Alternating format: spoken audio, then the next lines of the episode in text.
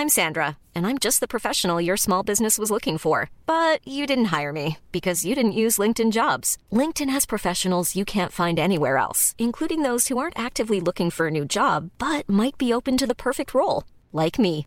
In a given month, over 70% of LinkedIn users don't visit other leading job sites. So if you're not looking on LinkedIn, you'll miss out on great candidates like Sandra. Start hiring professionals like a professional. Post your free job on linkedin.com/people today. Hey, it's Danny Pellegrino from Everything Iconic. Ready to upgrade your style game without blowing your budget? Check out Quince. They've got all the good stuff, shirts and polos, activewear and fine leather goods, all at 50 to 80% less than other high-end brands. And the best part? They're all about safe, ethical and responsible manufacturing. Get that luxury vibe without the luxury price tag. Hit up quince.com slash upgrade for free shipping and 365 day returns on your next order. That's quince.com slash upgrade.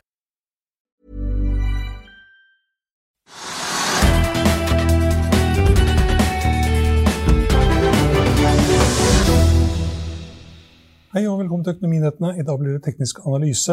Det er torsdag 23.9.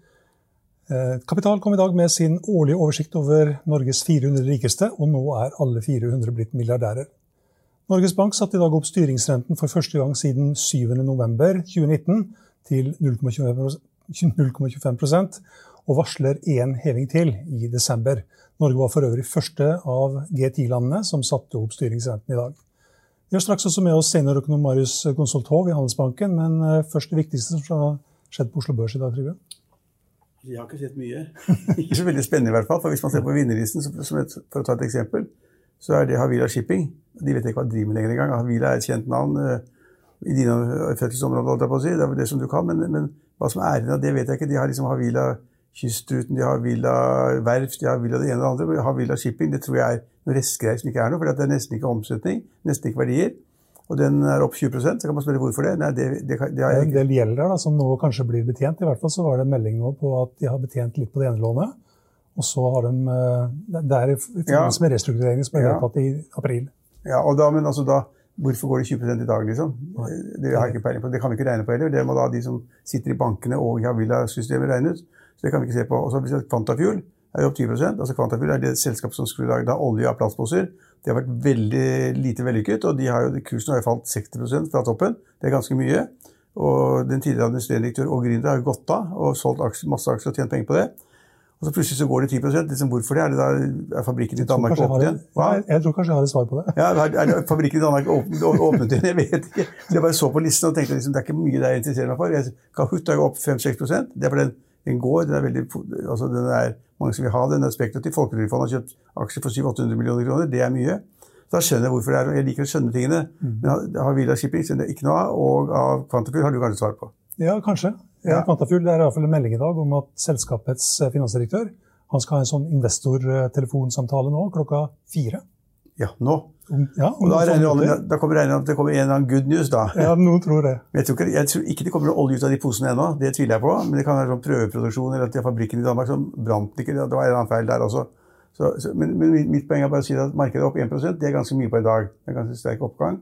Så Oljeprisen ligger på 76 dollar per fat omtrent. Det er bra. Det er en liten oppgang, det også.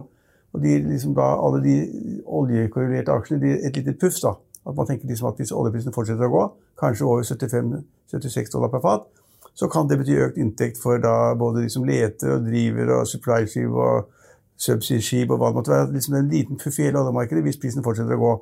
Men er, den oljeprisen svinger jo da fra 75 til 70 liksom, uten at man aner hvorfor. Og nå ser vi jo det at lageret er tømt mer enn man trodde i USA. Så det som er lagre, lavere lagerbeholdninger, det kan indikere at prisen går opp osv. Det er en del sånne litt sånn litt grunnleggende ting, og så er det litt sånn uh, man ikke kan vite hva. Og så, så kan forklare at børsen går 1 Det er litt vanskelig å forklare for meg.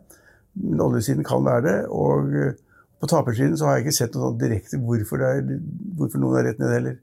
Nei, Men vi kan ta med MPCC Containerships. Ja. Der har en av de store aksjonærene solgt litt igjen. Ja, og, men har den gått og gått og gått et helt år. Da, så det er helt sannsynlig økning i aksjekursen. Det er ikke noe rart at noen selger. Det er heller ikke rart at, den får en, kurs, altså en kurskorreksjon. da. Så kan godt tenkes at den går opp igjen i morgen. så Det er, ja, det er ikke et signal om at man da bør kjøpe MP3-container, fordi den har gått så lenge, den har gått mye. Og det er markedet er fremdeles sterkt. Folk regner fremdeles med internasjonale handelsstrømmer, og at man skal frakte varer fra Kina i containere osv. Det, er liksom det er ikke noen sterke signaler om det motsatte, da, siden man da har denne byggeskandalen og hva det måtte være i Kina. så det det er ja, det er vanskelig å finne på hva som skal være årsaken til at absolutt aksjen faller ned. da. Nei, men Arne Blystad, når han selger seg under flaggegrensen på 5% tar litt mer gevinst, ja. så er det kanskje noen som ser på det. Insider selger seg under 5 Kanskje. Og, han, og Arne Blystad er god. Han kjøpte jo et containerskip, et, et brukt et, for noen måneder siden, og det, en uke eller to etterpå så solgte han det med 300 millioner i fortjeneste eller noe. jeg vet ikke. Så, det, så man, Han er god, så man kan følge han, at han er en bjellesau. Kanskje bedre enn andre bjellesauer, faktisk. Mm. Ja. Og så var det et av selskapene det, det et av selskapene som falt ganske mye i går, som en korreksjon eh, ja, ja, Facetec, ja. ja. Mm. Det er en liten korreksjon der også. Det falt ned, ja. ja. ja de klager jo på at, eller de klager på, de forklarer eh, Det kom en melding i går om at de har litt problemer med leveranser fra Kina vil ikke kjøpe mer. Eh, og jeg trodde det var leveransene fra Kina som var problemet. Nei, jeg vet ikke. det var, var veldig problem med Kina i hvert fall. Ja, det var ja. Og så får du en korreksjon. Det falt jo 40 i går, så det er ikke så rart om den kommer litt opp, igjen. i dag. Ja, litt opp igjen i dag. Ja, ellers så, Jeg har ikke sett noen forklaring på det. Norwegian stiger 6% 6,5% faktisk. Altså, nå, Norwegian. Norwegian ja, så er 4-5 eller sånn, ja. Mm. Den ligger på rundt 9 kroner. Ja. Så Det er også et godt spørsmål. Hvorfor stiger det? Jeg har ikke peiling. Så Det er, det er ikke kommet noen nye trafikktall, det er ikke kommet noen regnskapstall. Det er ingenting. Det er, de er et vakuum. Altså, de, de, konkurrerer mot SAS, de konkurrerer mot Flyr. Og, og eh, siste annonsen jeg så for Norwegian, det jeg trodde ikke var sant engang, men vet du hva de hadde satt opp en rekke hovedsteder i Europa. og Hvor mye kostet det å flytte i hovedstedene? Stein Ove? Jeg tenker kanskje 300 kroner? 312 kroner! Det er bra tippa. 312 kroner. Så, så, men de prisene kan ingen tjene penger. Så, så, du kan si at, at den kursen går fem kroner i dag. Det er kanskje noen som har kjøpt litt mer aksjer enn de pleier å gjøre. Eller en megler har fått en ordre på en litt større dose enn vanlig. og så kjøper de det, så går kursen litt opp for å lokke selgerne ut. og det er ikke, kanskje ikke er så mye selgere heller, fordi at man ligger der man ligger. Man ligger rundt 9 kroner der man har ligget lenge. 9-10 kroner. Så. Kanskje noen som spekulerer på at nå kommer åpningen, for det hadde vært signalisert en stund nå. At den åpningen, 4. I november. Den, kommer, den er like rundt hjørnet? Ja, den er like rundt hjørnet, i november snakker man da om mm. at, ja, folk, altså, Nordmenn vil fly mer. Det er åpenbart. og Norwegian kommer til å sette inn flere fly, og fly kommer til å sette inn flere fly. Og Norse Pacific kommer også til å sette inn fly, men altså, det er for mange av dem. Det er for mange som skal konkurrere på de samme rutene. og Da jeg var i, var i Nisse for en uke siden, eller en annen uke siden, så, så fløy jeg med Norwegian, og da fløy da Flyr fem minutter før. Og hadde nesten ikke passasjerer om bord. Okay. du kan bare bevege seg på flyplassen og si hvor er, det, hvor er trafikk, og hvor er det mennesker. Så det, det, var kanskje et langt svar på, men det er kanskje et viktig svar også. Det er veldig vanskelig å si hvorfor Norwegian plutselig går 5% Det kan man ikke si noe om. Men markedet er opp 1 og det har vært opp i de siste dagene, så det er en positiv undertone. Markedet har vært opp i utlandet også, slik at liksom, den skrekken man hadde pga. Kina, da, mulig altså mulig eh, at et kjempebyggeselskap da vil kollapse, gå konkurs, ikke betjene gjeld, hvor man da liksom har Hvor mye gjeld har de? liksom 250 milliarder kroner eller et eller annet sånt gjeld. Og så har de 1000 sånne boligblokker uten leietakere. Det, det, det er en dårlig balanse. Men nå, står det, nå kommer det meldinger om at nå selskapene har kommet gjennom det. Kanskje vi går videre likevel. Ja. Jeg har ikke sett noe på det, men det kan tenkes at de driver og bygger litt til OL òg. Vinter-OL. Det kan tenkes, men det er, det er et enormt boligmarked som de har bygget, seg, bygget for mye, som da ikke er leietakere i. Det er ikke, det er ikke mangel på boliger, tror jeg. Nei, nei. Så, men, men, men, det folk som ikke kan finans, ikke forstår, det er det at det er ikke noe vanskelig å bli kvitt eieren i det selskapet. Det er bare å konkurrere, si betale gjelden i morgen. Hvis ikke betaler gjelden i morgen, så konkurrerer og da kan staten overta egenkapital for null. Og så forsvinner gjelden hos masse lokale banker og andre private investorer. Men gjelden forsvinner. Det gjorde man ved norske banker på 90-tallet. Ingen trodde at de største bankene i landet kunne bli nullet, som det het den gangen. Nullet. Folk skrek av, av forbannelse og skrev innlegg i avisene, men det ble nullet. Mm. Staten tok banken sa vi redder dere, vi sørger for finansiering av bankene, men vi overtar dette her. Og så skal vi gi det ut til markedet senere en gang. Og da var alle eierne, alle eierne tapte alt. Mm. Også i DNB. DNC heter det vel da, kanskje. Ja, vi kan ta med, Siden vi var inne med Europa, opp 0,7 til 0,8% på de største børsene. Og futures i uh, USA var opp 0, rundt 0,5. Og det ser ut som eh, det er åpna opp også. Ta en liten titt på Ja, Så markedet holder seg forbausende godt, spør du meg? Ja. ja opp 0 Ja, det var iallfall opp 0, rundt 0,5. Altså, man må jo følge med her, fordi eh, markedet er høyt priset nå. I Norge og i utlandet. Det er liksom for mange selskaper som er priset til 50 ganger earnings eller, sånt, eller 150 ganger earnings, hva det måtte være det er høyt. Og da skal du ha kjempeflaks for å få med deg kursoppgang enda en gang. Mens du kanskje bør ta fortjenesten og selge deg ut hvis du har den prisingen. Kanskje. Hvis du ikke har lest den artikkelen, så kan du gå inn på finansavisen.no og søke på Robert Ness. Ja, han sa det at Han sa det at det var på lørdag. Ja. Ja, men han sa det at liksom, hvert femte selskap på Oslo Børs nå hadde en price på mer enn 30 eller 50 eller sånn. da. Det går ikke. Det sier han også. Det er dyrt, men hva gjør man da? Ja.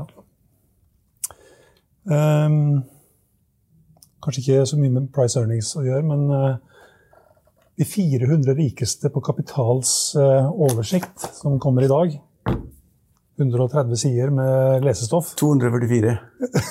ja, med 130 sider med de 400 rikeste. ja, ja, ja. Ja. Og nå er alle milliardærer. Nå er alle milliardærer. I fjor eh, på samme tid, et år tilbake, så måtte du ha en formue på 850 millioner kroner for å komme på listen hvis du hadde ønsket om det noe. I år så måtte du ha en formue på 1 milliard, slik vi regner det. Og vi prøver å finne de reelle verdiene, ikke ligningsverdier, som mange tror. Som andre aviser og andre bruker av og til. Men altså, for de sier jo ingenting. Alle i Norge vet, vet du. Alle vet fordi de har en hytte eller et hus, at ligningsverdiene ikke er markedsverdiene. Mens det vi prøver å regne ut, det er markedsverdiene, og det gjelder da alle 400 på listen. Og nå måtte de ha 1 milliard for å komme inn på listen. Mm. Ja, Apropos ligningsverdier. eh, Skatteetaten, eller i hvert fall skattelistene, da, så er det bare 65 av de 400 som er milliardærer. Ja. Og vi kjenner minst 400. så, så, så det ligger mye formue der ute. Men det, skyldes at Norge har gått ganske bra. Altså De siste årene sto- store deler har vært katastrofe. Altså Reiseliv, hoteller, og restauranter og barer og alt det der. Det er katastrofe. Og cruise. Alt det er katastrofe.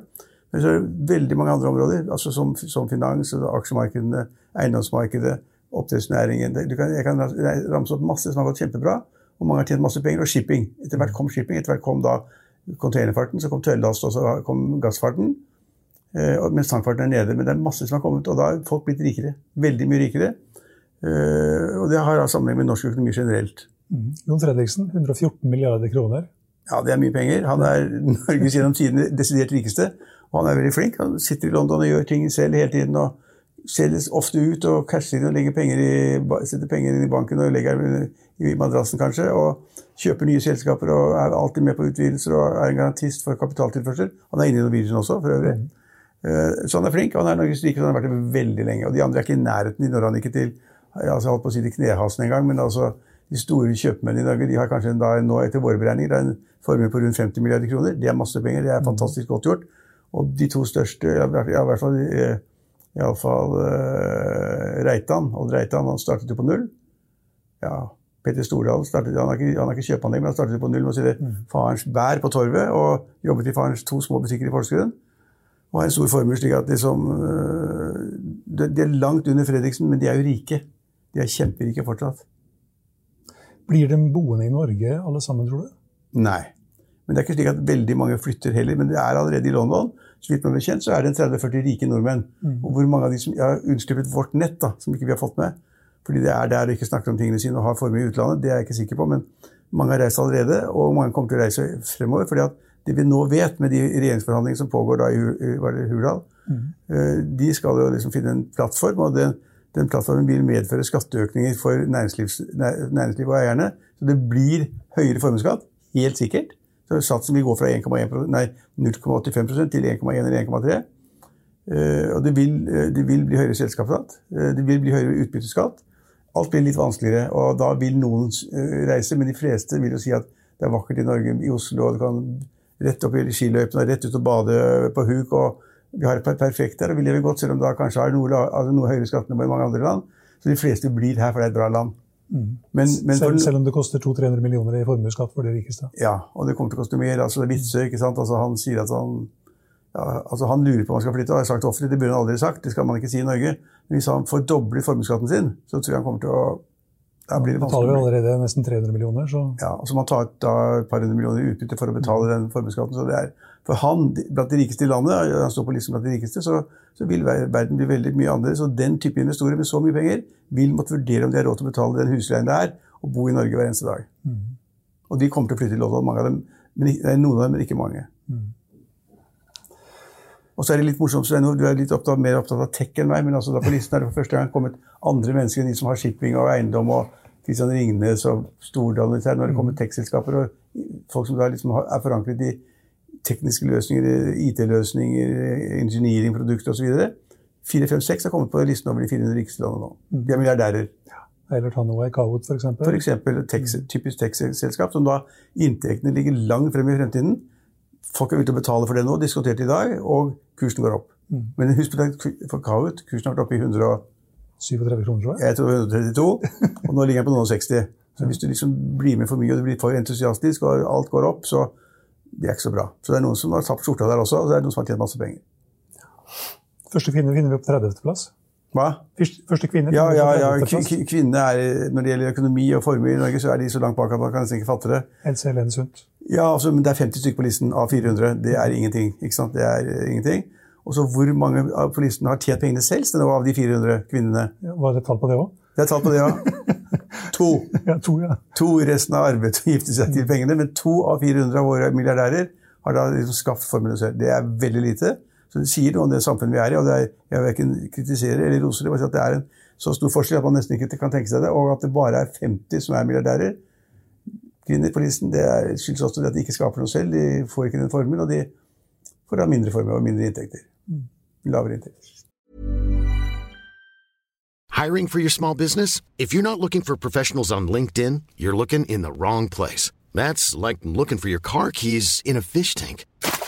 LinkedIn helps you hire professionals you can't find anywhere else, even those who aren't actively searching for a new job but might be open to the perfect role. In a given month, over 70% of LinkedIn users don't even visit other leading job sites. So start looking in the right place. With LinkedIn, you can hire professionals like a professional. Post your free job on linkedin.com slash people today. I'll see you in court. Vi sier det ofte litt på spøk, men for deg som driver business, er det aldri moro å innse at du ikke har laget en 100% gyldig kontrakt. Du bør ikke risikere hele firmaet ditt fordi du synes dette med kontrakter er litt stress. En avtale er ikke en avtale. Du kan miste kunder, miste venner, ja, til og med miste inntekter om du ikke lager en skikkelig kontrakt, på alt mulig, egentlig. Men vi vet det er et styr. Kopimaskiner, tregprinter og haugevis av papir. Dessuten stoler vi jo på folk her i landet. Det er ofte litt kleint å skulle be om en signatur for alt mulig, ja, for mye av styret handler også om jakten på underskriften. Det finnes en enkel måte å løse dette på, Dukkobit, en trygg, effektiv og get this, gratis måte å sikre seg en god natts søvn pluss en juridisk bindende avtale. Dukkobit-appen har de strengeste sikkerhetskrav i bunn, samt en EU-godkjent og sertifisert teknologi. Framover vil det bli behagelig å spørre du, skal vi skrive under på det, eller? Kom i gang på dukkobit.no. Ja. Flyr du ofte privat, Trygve? Nei, jeg gjør ikke det, men jeg har jo gjort det noen ganger, da. Jeg er jo da nær venn av og kompanjong med Petter Stordalen. Han har eget fly. Hatt det lenge. Han, han, flyr så mye at han må vel nesten ha eget fly? Han, flyr så mye at han flyr hver dag. Enten Han har jo 150 hoteller han skal passe på. I, i går eller forrige så var han i Helsinki, og i dag er han i Stockholm. og Han er rundt overalt hele tiden. Så han har eget fly. Det koster sikkert 20-30 millioner i året. Og når vi er ute, vi har aksjer begge to i Hurtigruten, så derfor er vi en del fellesmøter. og da, da har jeg gleden av å sitte på med Petter og bikkja hans. Og bikkja, ja. Den er med. ja, eh, til noe helt annet. Eh, Norges Bank hadde rentemøte i går og besluttet at renten skulle heves i dag mm. med 0,25 prosentpoeng til 0,25 mm. Var det nødvendig? Eh, ja, det mener jeg absolutt. Fordi at det rentenivået som vi har hatt, 0,0% historisk lavt nivå, det var jo satt under det dypeste av krisen. Og det er klart at eh, Norsk økonomi har jo kommet til et helt annet sted etter det. Så situasjonen i dag eh, står på en måte ikke i stil da, til å kunne fortsette å ha en nullrente. Vi har fått aktiviteten kraftig opp i norsk økonomi, og vekstutsiktene er gode. Og arbeidsledigheten har falt mye fra toppen og fortsetter nedover. Så det er klart at det var et poeng for Norges Bank å begynne renteopptrappingen eh, nå. Men betyr 0,25% noe som helst?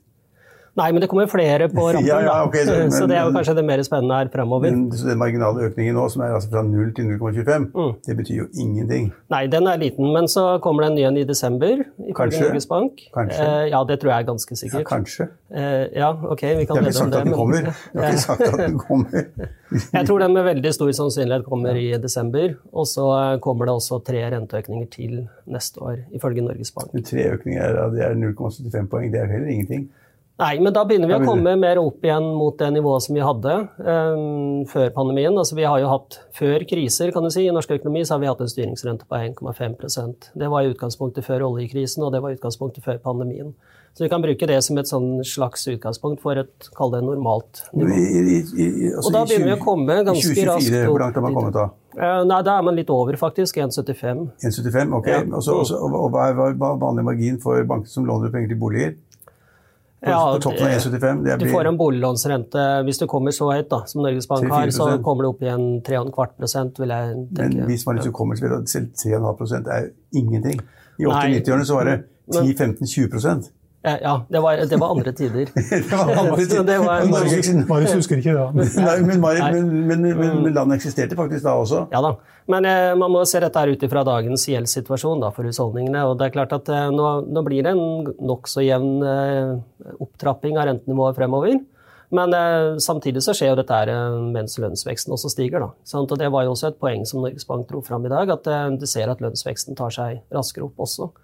Eh, så, så det er klart vi, vi tåler mer renteøkninger i et eh, sånt bilde.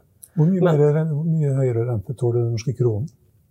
Nei, altså, Vi så at krona gikk litt sterkere i dag. Jeg vet ikke hva de tenker på med hva den tåler, men det er klart at eh, oppjusteringen av rentebanen i dag var jo litt mer enn det markedet hadde sett Eller for hvor seg. mye, mye sterkere krone tåler Norges Bank, da, for å si det sånn? Ja, nei, så Den bevegelsen vi fikk i dag, var egentlig veldig moderat, eh, vil jeg si. Så det er jeg helt sikker på at Norges Bank hadde tatt godt høyde for. Mm. Men vi har hatt en Det styrking, seg med 3-4 øre eller sånn vi har hatt en styrking av krona fra, liksom, mot euro, da, fra 10,60 til Ja. 10,55 for en måned Men- siden. Ja, 10-14 eller hva det er for noe. 10,07 i dag, tror jeg. Ja, det gikk, gikk litt ned da etter eh, beslutningen. Men man må alltid se dette eh, opp mot eh, situasjonen og vekstutsiktene for økonomien. For det er klart at eh, vi har en svakere krone i, i Norge når utsiktene også er svakere. Så dette er jo på en måte en litt sånn balanserende faktor. Så nå tegner jo Norges Bank opp et vil jeg si, veldig positivt bilde av norsk økonomi fremover. Og renta skal en del opp hvis det går sånn som de tror. Og de tenker at krona også kan styrke seg litt videre i den situasjonen. Men, men det er fortsatt sånn at det er veldig god drahjelp i eh, økonomien framover, også fra eksporten i, i dette her. Sånn. Vi ser jo ganske god vekst nå blant eh, handelspartnerne våre.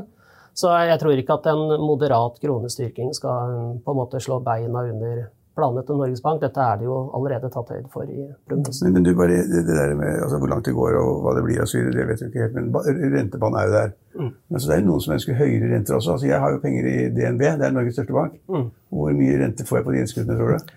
Nei, det er vel ikke all verden. Ikke all verden, Nei. nei. Så jeg har, 0,15% mm, ja. Det er ikke veldig mye penger, da. Eh, nei, så, så det er klart at Men Altså, det skal jeg betale skatt, og, Ja. skatt, og skal jeg betale formuesskatt og skatt av det, Mm. og så er inflasjonen ja, Det er Ja, altså, landets taper, Blir, da. blir det noe Totalen, igjen da? ja. Nei, det blir ikke noe igjen av det. Det er klart, altså det, det er jo det. Men hvis du ser på norske husholdninger i, eh, altså under ett, da, Ja. så er det jo sånn at de fleste av oss er jo ikke så heldige å være i din posisjon, så vi sitter jo heller med ganske store lån. Eh, Så, eh, så vi kan si at eh, dette her vil jo være en, en bedre innstramming for folk flest fremover. Men det er jo også litt av hensikten. Eller altså, det er jo hensikten, mener jeg. Eh, Fordi at eh, nå har man hatt kriselave renter i en god periode. Etter hvert som det går bedre i økonomien, så er det et poeng at man begynner å normalisere rentenivået. også. Men, men det normalisering er interessant, for jeg, så rentebanen fra Norges Bank. Mm. Den, den forrige den liksom bare, Det er ikke så lett å gjøre med fingrene i luften, den gikk sånn, liksom. sånn. Og så kom det nye rentebanen, det var liksom nesten hele veien. Så var det bitte, bitte litt opp i sånn 2024. Mm. Altså, så mye at du kan nesten ikke måle det, liksom. Nei, men det er informasjon selv i sånne små endringer. Ja, det, det, Det er jo du, det. du og ekspertene Mm. ser på det. Og Ja. rentebanen er bitte litt høyere. Dette ser skummelt ut, tenker dere. Ja, nei, så, nå var det sånn at eh, hvis du, Bare for å ta historien kort. Da? I sommer så sa Norges Bank at vi skal heve i september-desember, og så to til kanskje tre ganger neste år. Så Det første nå det er at de sier at de skal heve tre ganger neste år. I tillegg til disse her. sånn. Det, er sånn det klarer du ikke å lese med det blotte øyet ut av rentebanen til Norges Bank. Nei. Men hvis du regner etter, så er det det som ligger der. Ja. Og det i seg selv er jo et eh, signal om at Norges Bank har fått egentlig da mer tiltro til vekstutsiktene fremover. Så eh, man kan jo snu på det og si at dette her er jo, altså, dette er jo grunnleggende positivt at eh, de oppjusterer rentebanen, for det er jo en refleksjon at ting nå faktisk går bedre, og at de er trygge på at utsiktene også kommer til å holde seg og det, bedre. og dette går bedre, ganske interessant, for mange har spurt meg i dag, i at vi da lanserte den der Kapital 400-risen. Altså, hvorfor, liksom er det, hvorfor er det blitt mer enn 400 mennesker som har en, en, en formue på mer enn en milliard? Og hvorfor, hvorfor har liksom milliardærene så bra? Hvorfor har de så bra? Nei, altså De kan nok takke sentralbankene en god del for Hva? eh, De kan nok takke sentralbankene for en del av økningen i formuesverdier. For det er lave renter. eh, Lave renter, eh, som har jo blåst opp eh, eh, asset-priser rund baut. Um, og et annet eksempel er jo norske boligpriser. Så Mm. eh, det er jo en oppgang som har vært eh, betydelig i løpet av det siste året. Som har vært en, ja, et av de klare utslagene under pandemien. Da. Men det betyr ikke så mye for milliardærene. De har eh, Nei, de har vel en del annet. ja, Men det er, men det er nok et eksempel på at eh, lave renter tyter eh, typisk ut i formuesverdier. Ja. ja. Mm. Eh, Den rentebanen som ligger til grunn her nå, hva vil det ha å si for boligprisene fremover? Ja, nei, altså Nå har vi jo sett eh, at folk allerede har begynt å forberede seg på at renta skal opp. mener jeg, for nå har vi hatt en egentlig ganske flat utvikling i boligprisene det siste halve året. Og, eh, så, så du kan si at veksttoppen er passert, og, og nå er vi i en situasjon hvor det er bedre balanse, men prisene stiger ikke noe særlig fra de nivåene vi har nå. Det tror jeg er et greit utgangspunkt framover også. Eh, Hadde det bare vært renta som hadde økt, så ville jeg sagt at boligprisene skal ned, men lønnsveksten stiger samtidig. og Ser du på den akkumulerte effekten av det opp mot renteøkningene, så tror jeg at vi kommer til å se en moderat positiv boligprisvekst fremover. Ikke, i nærheten av det vi har hatt det siste, så klart, men, altså under pandemien, men si 1,5 til 2 boligprisvekst. Men det er samme som Norges Bank sier, er det ikke det? Så det er jo på en måte godt forankret faglig. Altså det, Eh, ja, de, ja. de, de regner også med en bitte liten økning de kommende tre- to-tre årene. Ja, det er det. Så jeg tror ikke det er, eh, det er ikke veldig stor uenighet blant det, blant Nei. økonomer, tror jeg.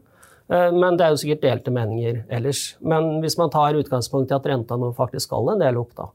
eh, I en situasjon hvor folk da har tatt ut holdt på å si, hele rentekutteffekten i forkant og bygd opp mer gjeld, så er det jo naturlig å tenke at eh, da kommer også boligprisveksten til å bli mer moderat. Moderat, ja. Men det går ikke ned. Eh, Nei, jeg tror, ikke, jeg tror ikke på et eh, fall, generelt trendmessig fall i nominelle boligpriser. Nei. Hvor lang tid tar det før eh, inflasjonen i Norge er oppe på Norges Banks mål på 2 Ja, så Hva som skjer med totalinflasjon er jo alltid vanskelig å si, for det avhenger veldig av strømprisene. Men, kjern, Ja, Totalinflasjonen kjern- ligger jo høyere allerede. ja, den er jo godt over allerede og kan bli mye lavere enn til neste år. Men kjerneinflasjonen er jo lav, og den er nok litt seigere å få opp igjen. Eh, trenger nok en periode med litt eh, sterkere lønns- og kostnadsvekst i bedriftene for at vi ser at den eh, tar seg mer opp. Men jeg tror nok gjennom horisonten her så begynner vi nok å nærme oss mer 2 %-målet til Norges Bank.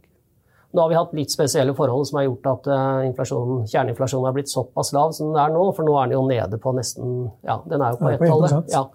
Eh, og det er jo Den Er på 1 nå? Kjerneinflasjon? Ja. Ja. ja. Eh, KPI eller Ja, ja, det er ikke mye justert for avgiftsenergi. Mm. energi. Men det er jo fordi at eh, ja, En ting er jo på en måte den situasjonen vi har hatt i norsk økonomi, eh, men eh, det er jo også det at den voldsomme kronesvekkelsen som vi fikk i starten av pandemien, ble jo raskt reversert. Så vi fikk jo da først veldig høy kjerneinflasjon fram til høsten i fjor. Og så går krona den andre veien, så får du da motsatt motsatte når kjerneinflasjonen blir veldig lav i en periode. Men eh, det er klart at det er en forbigående effekt, og så får vi se hvordan det ser ut eh, etter at det støvet har lagt seg. og Da er det mer det underliggende kostnadspresset i økonomien som påvirker eh, kjerneinflasjonen, og da tror jeg det er gradvis på vei opp. Men man kan vel ikke begynne å snakke om liksom, å øke renten for å dempe inflasjonen når det ligger på 1 det er, liksom- Nei, og den falt jo faktisk fra Ja. 1,6 Hadde, hadde, hadde den ligget på juli. 5 og så ville inflasjonen gå til 6% eller ligge på 3 eller gå til 4 eller, Så måtte man begynne å røre på seg. Ikke noe ganske kraftig, men altså, det der er jo Nei, men altså Norges Bank har jo da lenge vært klar over at det vil ta tid å få inflasjonen opp. Altså få kjerneinflasjonen Ja. mer stabil opp. og Det ser de gjennom, og så er de mer opptatt av å få renta opp i forhold til den situasjonen vi ser i økonomien. Men det som var et interessant grep i dag, eh, og som jeg regna med at de ville gjøre, det var at de likevel sier at inflasjonsutsiktene, kjerneinflasjonsutsiktene fremover er sterkere enn de trodde i juni. Og det er fordi at vi nå ser litt mer rett og slett, kall det mismatch-problemer i arbeidsmarkedet. Vanskelig Ja. å få tak i den arbeidskraften bedriften ønsker, selv om ledigheten fortsatt er litt høy. Eh, Og det betyr at eh, lønnspresset bygger seg opp, og det gir sterkere inflasjonsimpulser i neste runde. Er, er, Så- altså, er det 90 000 ubesatte stillinger tom, er det nå? 90, er, er det det? Ja, jeg mente jeg leste det i dag. 90 000 ubesatte stillinger, og så er det og så er det 150 000 ledige. altså Jeg skjønner ikke helt hva det er. Ja, nei, altså det, det er mismatch. Det er en mismatch. Altså det ser i hvert fall rart ut når du plotter i en graf, eh, og så må man begynne å lete etter forklaringer. Men, det, men eh, som sagt, ledigheten i Norge har falt veldig raskt eh, Mm. fra toppen, men den er fortsatt sånn at vi kan si at den er litt høy i forhold til Det var jo normalsituasjonen. 400 000, da. Uh, ja, ja, ja. ja 400 000? Ja, og det kom i løpet av et kvarter, så det var jo en spesiell situasjon. Og så falt til 150? Ok. Ja. Så, men, uh, men uh, ja, nei, men, men, uansett, når du ser på liksom, forholdet mellom den, ja, det bedriftene etterspør av arbeidskraft, opp mot at vi fortsatt har en del arbeidsledighet, sett opp mot en normalsituasjon, så, så er det åpenbart at her er det det vi kaller mismatch-problemene. Noe av det er nok knytta opp mot at arbeidsinnvandringen er lav. Det har vi jo sett en del eksempler på gjennom året innenfor ja, eh, fiskeri og havbruk, innenfor eh, landbruksnæringen bl.a. Eh, og så er det jo en del av disse sektorene som nedbemanna veldig hardt under pandemien innenfor tjenestesektoren, som sliter med å hente tilbake en arbeidskraft som nå har gått inn i andre yrker. Så, men det Norges Bank sier, er at på marginen da, så tror de at dette gir litt sterkere lønnspress mm. framover. Men det som bare siste poenget her, jeg tror ikke at dette her er en varig effekt. sånn i utgangspunktet, fordi at nå har vi jo sett også i det siste at ledigheten tross alt har falt ganske mye også de siste ukene. Så det er jo et tegn nå på at eh, kanskje den koblingen da, mellom tilbud og etterspørsel i arbeidsmarkedet har, eh, har, fortsatt å bedre seg. Men Hva er ledigheten? 5 eh, Nei, registrerte ledigheten ligger rundt 2,5 ja, ja, men da er det bare Men hvis du tar altså de som er registrert ledige, de som er delvis ledige og de som er på tiltak, så blir det fem. Ja, ja hvis, du, hvis, du, tar, liksom, ser på hele Hele pakka? Ja. ja, ja de, Hvordan de gjemmer det bort. For, men altså, de som ikke har jobb, altså, ikke, i tillegg til de, de registrert arbeidsledige, mm. så blir det 5 eller sånn noe? Ja, det stemmer nok. Ja. Men, det, men det man ofte ser på, er de som er registrert som helt ledige. Ja, ja, og, og, blir det, prosent, ja, og så er det litt sånn eh, Normalt sett så er det der du ser liksom de konjunkturelle utslagene. Og, eh, så, så, det er på en måte det målet som Norges Bank også refererer til da, når de ser på hvor er ledigheten nå, kontra en mer normal ja, altså, Jeg har et hotell ute i Asker. Uh, og det er jo helt umulig for, for, for folk. Mm. Altså, det er litt sprengt. Det er Alle rom er fulle, og møterommene er fulle. Man, det er så vidt man klarer å gå rundt, for man får ikke tak i folk. Nei, nei, nei. Mange, var, flinke, mange ja. flinke, som du var inne på, mange flinke mm. mennesker som har, de har sluttet. Mm. Så er det begynt i andre yrker, så kommer de ikke tilbake igjen. Mm. Det er et kjempeproblem. Ja. Og jeg tror ikke det bare er mitt hotell i Asker, jeg tror det er hele landet vanskelig å få tak i folk innen hotellnæringen. Ja. Og det var, det var, et poeng i den siste rapporten fra Norges Banks regionale nettverk som kom i forkant av i dag, så, så var det nettopp pekt på sånne forhold. Og Det var jo også en viktig grunn til at vi trodde at de da ville justere litt opp. Men da kan de også da oppheve eh, kontrollen eller hva det måtte være på, på grensen? Da slipper de mer innvandrere fra Polen og andre land som jobber for 50 mindre enn sånn? Ja, altså, eh, man, de, de står jo i kø hvis du vil ha folk fra Latvia. Ja, altså, man regner jo med at arbeidsinnvandringen kommer til å ta seg opp igjen. De må jo ta seg opp. Eh, ja, jeg håper jo det. Eh, men samtidig så, som Norges Bank, da, det er jo alltid på ene og andre siden, og ting kan gå galt osv. Man vet ikke, men i utgangspunktet så, så, burde man jo forvente at arbeidsinnvandringen tar seg opp også fremover. For å dekke mismatchen? Ja, for jeg tror som sagt at noe av mismatchen skyldes at, at eh, vi har lav arbeidsinnvandring ja. I, eh, ja, i, en pandemisituasjon. Mm. Det er, eh, og alle disse temaene kunne vi snakket om i hvert fall en time til, tror jeg. Ja. Vi kunne ha vært innom USA, som holdt renten uendra i går. Mm. Bank of England, som holdt renten uendra i dag. Og forresten et land som satte ned styringsrenten i dag. Nei. Jo. Hva var det for noe? Var det Sverige, da? eller? Tyrkia satte ned fra 19 til 18 mm. Ja, hvorfor gjorde de det? Fra 19 til 18, ja. ja. Ja, men de, er, de, de, må jo ha en så høy rente for å dekke valutaen sin. De. Hvis ikke de har høy rente, så blir alle pengene borte. Da blir bare noe, noe penger borte. Det er vel de der rentenivåene du savner, det der fra 80-tallet? ja, jeg husker, liksom ja, jeg husker skal avslutte med et lyspunkt. Altså, jeg husker godt at jeg hadde masse penger i det som het Kredittkassen. Og da fikk jeg, nå tror jeg det var slutten av 80-tallet eller begynnelsen av 90-tallet, men da fikk jeg 17% rente på pengene. Og da lagde jeg en svær plakat på veggen. Rammet inn det. Vi 17 rente! Da tenkte jeg da kan man ikke drive business i dette landet her. Hvis du får 17 bare å ha pengene i banken. Det varte ikke så lenge, da, men det var en stund, faktisk. Og jeg husker også da noen bedrifter jeg hadde, hadde aksjer i, som hadde kassakreditrenter. De har jo alle. Det er på en måte løpende delen av virksomheten fra dag til dag. Og hva var renten på kassakredittene da på slutten av 80-tallet, begynnelsen av 90-tallet? Du er eksperten. Ja, jeg, jeg er jo så vidt født, holdt på å si. ja. Ja, ja, hva, ja, hva tror du? Jeg har ikke peiling. Jeg tør ikke tippe på noe. Det ser dumt ut. Rundt 20 ja. Mm. Og det er klart, Hvis du har betaler 20% kasserente, da kan du bare legge ned. Mm. Hvis det varer. Da kan, da kan, du bare legge ned, for det er ingen bedrift som har så store marginer at du kan dekke deg opp med renter og avdrag på, på 20% rente. Går ikke det. Men sånn hadde vi det faktisk på 80-tallet, begynnelsen av 90-tallet. Mm. Ja, nei, det, ja. Det var, det var, en annen tid. som man sier. Det er bedre land nå, da. Det er nok litt mer fungerende systemer i dag. Ja. Ja. Ja, vi er kommet et stykke siden det. Mm. Tusen takk skal dere ha, Marius Trygve. I Finansavisen i morgen så kan du lese Trygve Hegnars leder om at festen langt fra er over enda, om boligmarkedet som imidlertid kan stoppe opp. Nell-konkurrent roper varsko, og nordmenn flyr mer privat enn noensinne, kan også lese om i Finansavisen Premium, som kommer i morgen.